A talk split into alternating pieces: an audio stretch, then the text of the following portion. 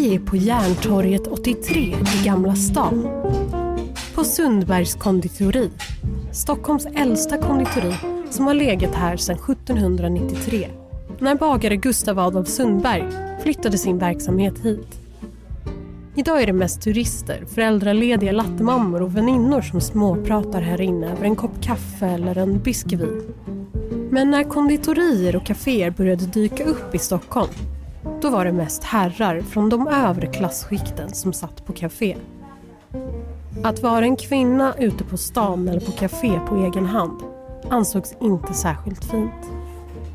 Däremot så jobbade många kvinnor på konditorier som servitriser och passade upp på de i huvudsak manliga gästerna.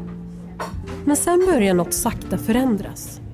Fler bagare introducerar särskilda rum och avdelningar för kvinnor att umgås med varandra i. Men varför behövdes särskilda avdelningar för kvinnor? Och hur var det att jobba som servitris? Vi tar och spannar in Sundbergs konditori. Det är först ett mottagningsrum kan man ju säga med disk och så, en liten buffé och sen är det en liten smal liten tarm med småbord där man kan sitta. Och här står det en eh, kaffebuffé, eller det är ett bord med ja, koppar och en kanna i mitten. En kopparkanna. Ja. Ja. Det här är Ulrika Torell, forskare i kulturhistoria som har skrivit boken Socker och söta saker. En kulturhistorisk studie av sockerkonsumtionen i Sverige. Det var i arbetet med den här boken som hon inte kunde undgå att bli nyfiken på konditorierna och kaféernas historia i Sverige. Man hade en sån där buffé, var också ganska vanligt men ofta var det kanske någon, något, någon uppasserska som serverade drycken då, ändå. Inte en servitris? Utan... Jo, uppasserska eller servitris eller bodmamsell eller de har en massa namn. Eh, schweizerifröken till exempel. ehm, ja. Och sen är det ju också den här fantastiska disken som eh, där man verkligen ser de här eh, bakverken som ligger uppställda eller upplagda och så är det gärna lite glas och speglar och sådär har de haft också. Nu har de bytt ut det mot aluminium ser jag men bakverken ligger ju på såna här silverbrickor och sådär just för att det ska stråla lite extra och se mycket ut. Liksom. Det är en expositionskonst kan man säga, eller exponeringskonst som var väldigt vanlig eh, i konditorivärlden. Allt för att man ska bli sugen på att äta bakverk? Ja, för att visa hur dyra de var och fina. Det var ju riktiga hantverk det här och sockret var ju väldigt länge dyrt. Alltså riktigt exklusiva varor som kostade ganska mycket pengar. Du lyssnar på Kvinnans plats, historiska berättelser från Stockholm. En serie från Stockholms kvinnohistoriska med mig, Sofia Neves. Vi ska ta oss in i kaféerna och konditoriernas värld. Långt innan fika blev ett begrepp. Jag skulle vilja ha en dammsugare och en cappuccino också. Ja. Så, vi slår oss ner i en soffa med varsin bakelse. En mandelkrans och en dammsugare.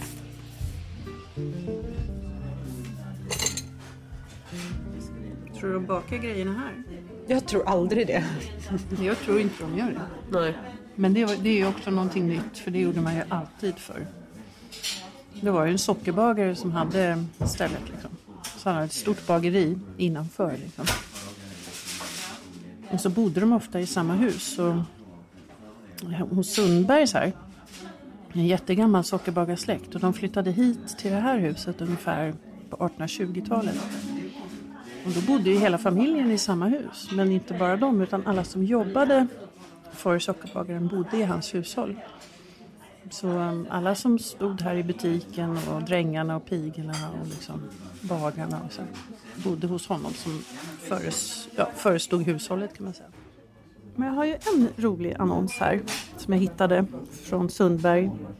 Eh, Johan Edvard Sundberg är det då. Och han är tredje generationen kan man säga eh, av Sundbergare som var sockerbagare i Stockholm. Och han har en annons 1869 i juli och då skriver han Sockerbageri och damecafé i rubriken. Och sen skriver han Undertecknad som denna dag öppnat sockerbageributik i förening med Damcafé ute i huset nummer 83 vid Järntorget har äran rekommendera mig till emottagandet av beställningar på krokaner, tårtor, bakelser, kaffe och tebröd, pastejer, desserter, marängsviss, glass samt flera sorters konfektyrer och safter med mera. Stockholm den 17 juli 1869. Sundberg, konditor. Och damcafé, det är alltså café för kvinnor? Ja, där damer kunde känna sig väl. Eh, det var syftet, att de kunde gå in och känna att de kunde slå sig ner i sällskap utan att bli störda eller liksom så av massa herrar som för övrigt var den vanliga konditori och kafégästerna faktiskt. Men att, att säga att damer var välkomna att ha damrum, speciella damrum, det börjar komma nu. På, det blir vanligare och vanligare. Um. Så innan har kvinnor inte rört sig på kaféer? Eller? Alltså den gängse historieskrivningen säger att kaféerna och konditorierna och schweizerierna var typiska ställen eh, där kvinnor inte gick. Kvinnor slogs inte ner där och satt där. Ehm, men alltså jag har ju hittat kaféer i Stockholm där, jag tror inte riktigt att det stämmer, för jag har hittat kaféer i Stockholm som bjuder in damer på det här sättet redan på 1820-talet. Så nu är det lite svårt att veta om de kunde, ansågs kunna gå dit själva, ensamma, eller om eh, man förutsatte att de var i sällskap. Men, ehm, ja. Så här när herr Sundberg bjuder in damer till sitt café eller konditori, då eh, bjuder han in dem att komma själva, solo. Det är så jag tror att man ska tolka det här, verkligen. Att då kan man gå med en väninna eller ja, en annan kvinna helt enkelt och slå sig ner i lugn och ro liksom, utan att man blir eh, eh, ansedd som en dålig eller förtappad kvinna. Liksom. För så har det ju varit lite tidigare, speciellt om man var borgarkvinna. Då skulle man ju inte helst... Det fanns ju liksom ingen svängradie för kvinnan i stadsrummet tidigare utan hon skulle gå med en eskort i form av en man eller ett förkläde, någon äldre släkting eller ta med sig sin jungfru ut på gatan liksom, så att hon inte gick ensam. Men hur tänkte man kring kvinnor som gick på café själva? Ja, då, då riskerade man väl att ses som en tappad kvinna och det var, fanns liksom inget... Det var nog inte så många kvinnor som ville behålla sitt anseende som gjorde det. Liksom. Eh, sen, det här är den första annonsen eh, som jag har hittat som är jättespännande. Eh, där man bjuder in damer och kvinnor till kaféer. Och det är 1829, jättetidigt. Och då är det faktiskt en av de här utländska konditorerna som heter Pohl som kommer från Tyskland. Och han skriver att han nu har eh, lyckats utvidga sin lokal som han har haft i många år vid Kungliga, Kungliga Operahuset med ett nytt elegant rum för damer, skriver han. Detta rum äger särskild ingång från Jakobstorg och är även passande för slutna sällskap. Och det här kan man ju diskutera lite, vad det betyder. Men så fortsätter han. Därjämte kan jag i denna lokal särskilt erbjuda alla möjliga sorters nyligen inkomna ostindiska frukter såsom ananas, paradisfrukt, dadlar, ingefära etc. Jämte de vackraste attrapper, det är alltså eh, vad ska man säga, det är en sorts eh, paket eller eh, förpackningar med jättefin choklad. Eh, och alla slag av de finaste konfityrer. Mm. Och så bjuder han in. Det tycker jag är spännande för att det här är verkligen tecknet på att damerna ska komma dit och shoppa. Ungefär som man säger hände då när varuhusen kommer i slutet på 1800-talet. Så, och damerna börja gå ut på egen hand och shoppa och, och den här shoppande flanösen liksom kommer som en pandang till flanören som har varit maskulin och kan springa och röra sig i staden helt fritt liksom. Bara flanera gata upp och gata ner. Men, men eh, man säger kring slutet på 1800-talet med varuhusen att då feminiseras flanören till att bli den här shoppande eh, flanösen. Men det här är ju jättespännande att jag hittar det här redan så tidigt. Liksom. Att den idén finns redan nu. Och hon ska gå då till damrummet och titta på de här ananaserna och köpa fin choklad. Liksom. Men för hur har kvinnor konsumerat eller shoppat innan? Här, innan de får komma in i kaféet? De har väl handlat förstås, liksom gått ut och ofta tagit hand om det men de har ju också i de här klasserna de är oftast tjänste, tjänstefolk förstås. Men, eh, men fina varor som, som tyger, möbler och sådär det har man ju tagit hand om själv förstås och, och åkt, åkt till den som säljer förstås och tittat ut. Så men det finns ju historier om hur eh, frun på Årsta till exempel åker. Hon åker och handlar väldigt mycket in i stan. Ehm, hon handlar både mat men också andra saker, tyger, möbler, beställer saker förstås till sitt hem. Liksom. Men annars är det ju det är väldigt mycket självhushållning fortfarande och förstås, eller man, har ju egen, man producerar ju väldigt mycket själv. Så man beställer ju råvaror förstås, men det gör ju husan i familjen. Så, så, men husets fru, att hon själv går ut och handlar på det här sättet, det det finns ju där, men jag tyckte den här var så spännande just för att det är så otroligt tydligt att hon ska gå och förlusta sig med att shoppa ananas. Liksom. Men varför är det en big deal att kvinnor får ett eget rum? Att kvinnorna får ett eget rum? Ja, alltså det är ju speciellt eftersom eh, de har, vad har kvinnor för rum i staden innan liksom, som är utanför hemmet? Det finns ju inte riktigt. Krogarna och restaurangerna och sådär, det var ju all, det var all, det, dit kunde man ju inte gå. Liksom.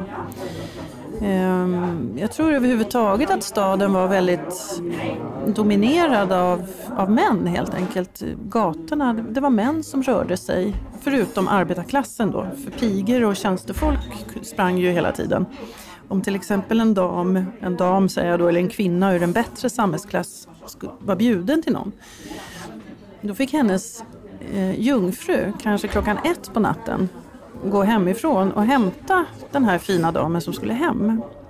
Och det där skrevs de i tidningen att det var ju inte kanske så bra egentligen. Man skulle kanske tänka på de här tjänsteflickorna som sprang ensamma på natten genom stan och hämtade sina husmödrar liksom, när de hade roat sig. Så, så det var ju väldigt, ja, klass och kön var liksom, eh, delade just, alltså det var ju verkligen uppdelat med, med klasstillhörighet och kön på gator och torg kan man säga. Ordningar fanns det och ideal framförallt för vem som gick var och sådär.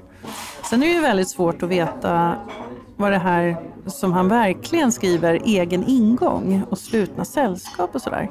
Då kan man ju börja undra, kan det betyda att man också kunde gå dit, ta med en dam i smyg. Liksom. Kanske någon som man inte var gift med eller som man inte ville visa sig på stan med. Så att hon kunde gå in genom en privat ingång och sen kunde han komma efter eller fanns det någon förbindelse mellan damrummet och herravdelningarna och sådär. I vissa annonser så står det att eh, det är väldigt avskilt mellan dam och herr, inga förbindelser och sådär. Vilket då under texten kan betyda på den här tiden att här föregår det ingen fuffens liksom, mellan, och här är inga möten mellan könen, så otillbörliga möten mellan män och kvinnor. Som... När börjar män och kvinnor sitta i samma rum? Ja, fast det gör de nog redan från början tror jag, för man kan gå med sin familj. Liksom. Men jag tänker som kvinnor på egen hand. Det är det som är intressant med de här damrummen. För jag tror att det är precis det det handlar om. Att de kan gå med en väninna liksom.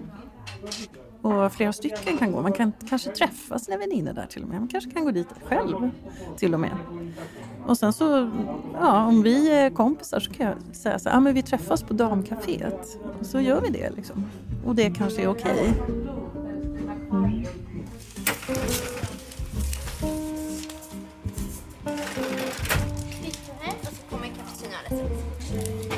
Men jobbar kvinnor på kaféerna? På Sundbergs på 1800-talet? Ja, sockerbagaren är ju man eh, under början på 1800-talet. Eh, han har då ofta en fru som också jobbar med honom i företaget och sen har han manliga gesäller, lärlingsgossar. Men så har han en massa eh, kvinnor som då arbetar just i kaféet vanligen som bodmamseller eller eh, bodjungfru kallas de. Eh, och de, de eh, är ju serveringspersonal, flickorna. Och gästerna är ju på många kaféer utpräglat en manlig skara. Liksom. Så det är ofta män som sitter länge och eh, konsumerar och kvinnorna betjänar, absolut.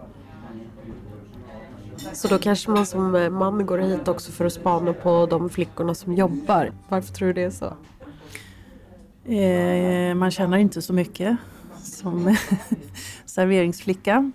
Eh, många serveringsflickor är ju eh, säkert, eh, ja man vill att de ska se bra ut, så var det på 1800-talet. Jag har hittat annonser där man söker såna här plats, platsannonser där man söker olika unga flickor som ska jobba som jungfru, barn, flicka eller kokerska eller något sånt där. Men till kaféerna så söker man snygga schweizerifröknar med, med, med bra utseende liksom, i alla annonser. Man ska se väldigt vacker ut och, och vara snygg.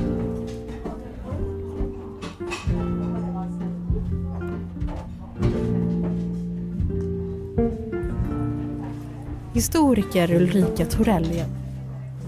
Jag har en bild här på ett gäng med borgerliga eh, män i medelåldern kan man säga. Som har slagit sig ner. En, två, tre, fyra, fem, sex, sju, åtta, nio, tio, elva, tolv, tretton i bild. Och de sitter vid såna här små runda bord, marmorbord med järnstativer som var så populärt.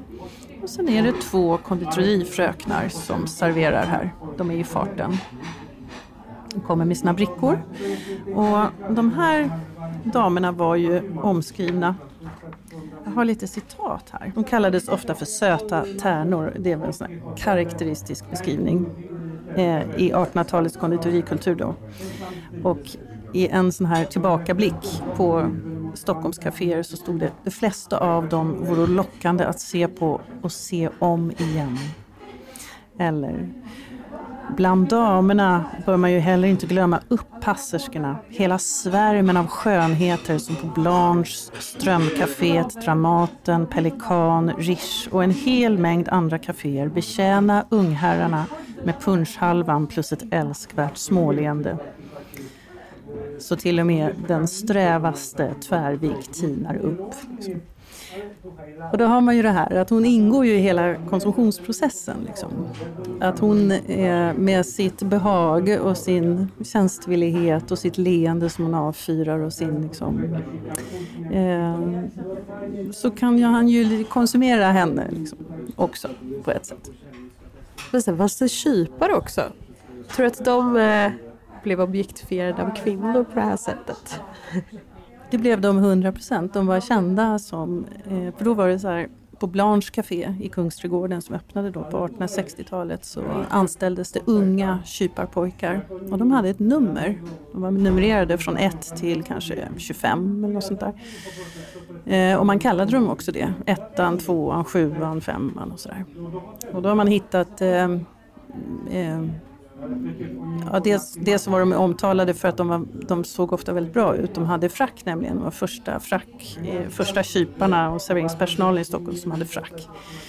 Och sen hade de en vit servett eh, över eh, armen. Så. Och sen har man hittat en, det fanns en man som eh, jobbade som vaktmästare hos eh, grevparet Halvyl i Stockholm. Han samlade på toalettklotter jättetidigt, vid sekelskiftet redan. Så han, hans gamla klotterböcker där han har skrivit upp allting, där finns det jättemycket om kyparna på Blanche som prostituerade som, eh, som man kan då liksom köpa vid sidan av det här kaffet och konjaken. Jaha, så de här killarna, de här kyparna, då kunde det stå så här, sjuan är så snygg, honom vill jag ligga med eller vadå? Ja, det, det, jag, jag rodnar om jag skulle säga vad det står. Det står så, fast det står mycket, mycket värre. Liksom.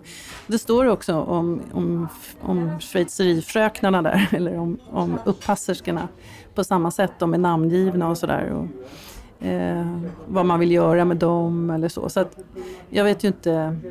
Eh, och även om ryktet då sa att de Eh, var prostituerade så var de ju kanske inte alls det utan, men de, de blev ju objekt för eh, gästerna helt klart. Liksom.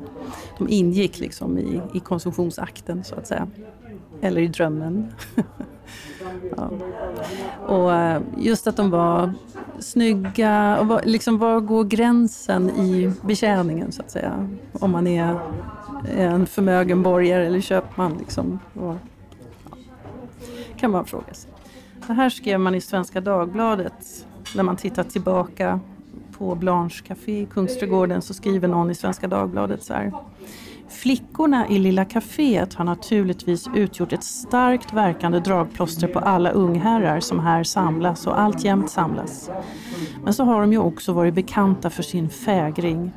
En av de mest beundrade, vackra Melli, kan i sommar jubilera med eh, jubilera med restaurangen som hon har jobbat i i 20 år. Numera är hon hovmästarinna. En syssla som hon sköter som en hel kar. Det är härligt. Och sen så talar de om Stockholms vackraste, pigga, schyssta upppasserskor som på det älskvärdaste sätt omhuldat gästerna.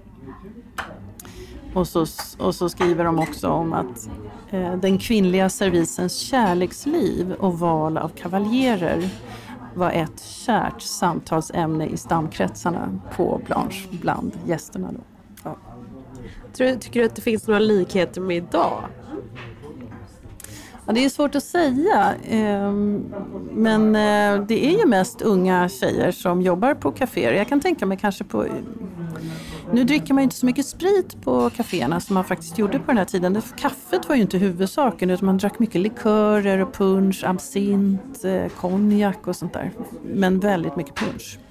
Det fanns ju alkohol med i bilden. Liksom. Så att om man ska jämföra det sociala livet här så då kanske man ska gå ut till klubbarna eller till eh, de här ja, uteställen, nattställena liksom idag. Eller?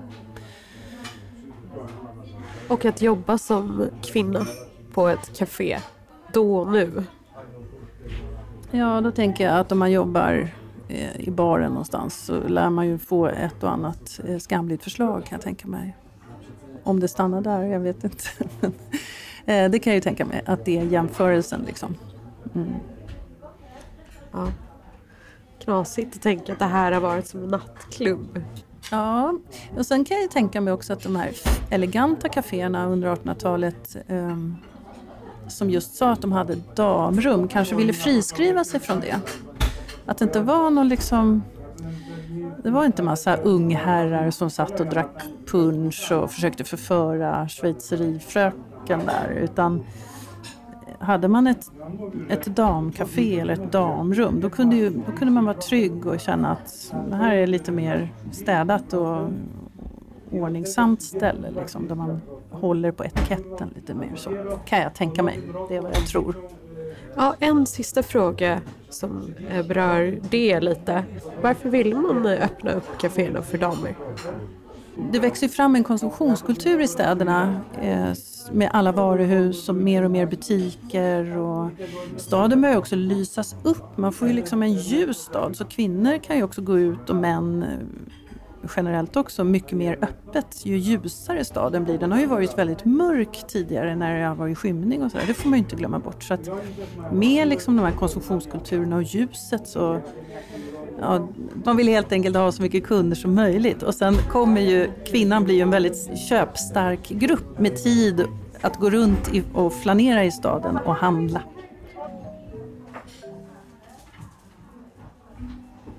Så, det var allt för den här gången. Och nu ska vi låta kafégästerna få äta upp sina bakverk i fred. Du har lyssnat på ett avsnitt av Kvinnans plats. Historiska berättelser från Stockholm. Av Stockholms kvinnohistoriska. Vill du veta mer? Gå in på kvinnohistoriska.se. Kvinnans plats är producerat av mig, Sofia Neves och exekutiv producent Mohammed El Abed. Det här avsnittet är ett samarbete mellan Stadsmuseet i Stockholm och Stockholms kvinnohistoriska. Producerat av Soundtelling.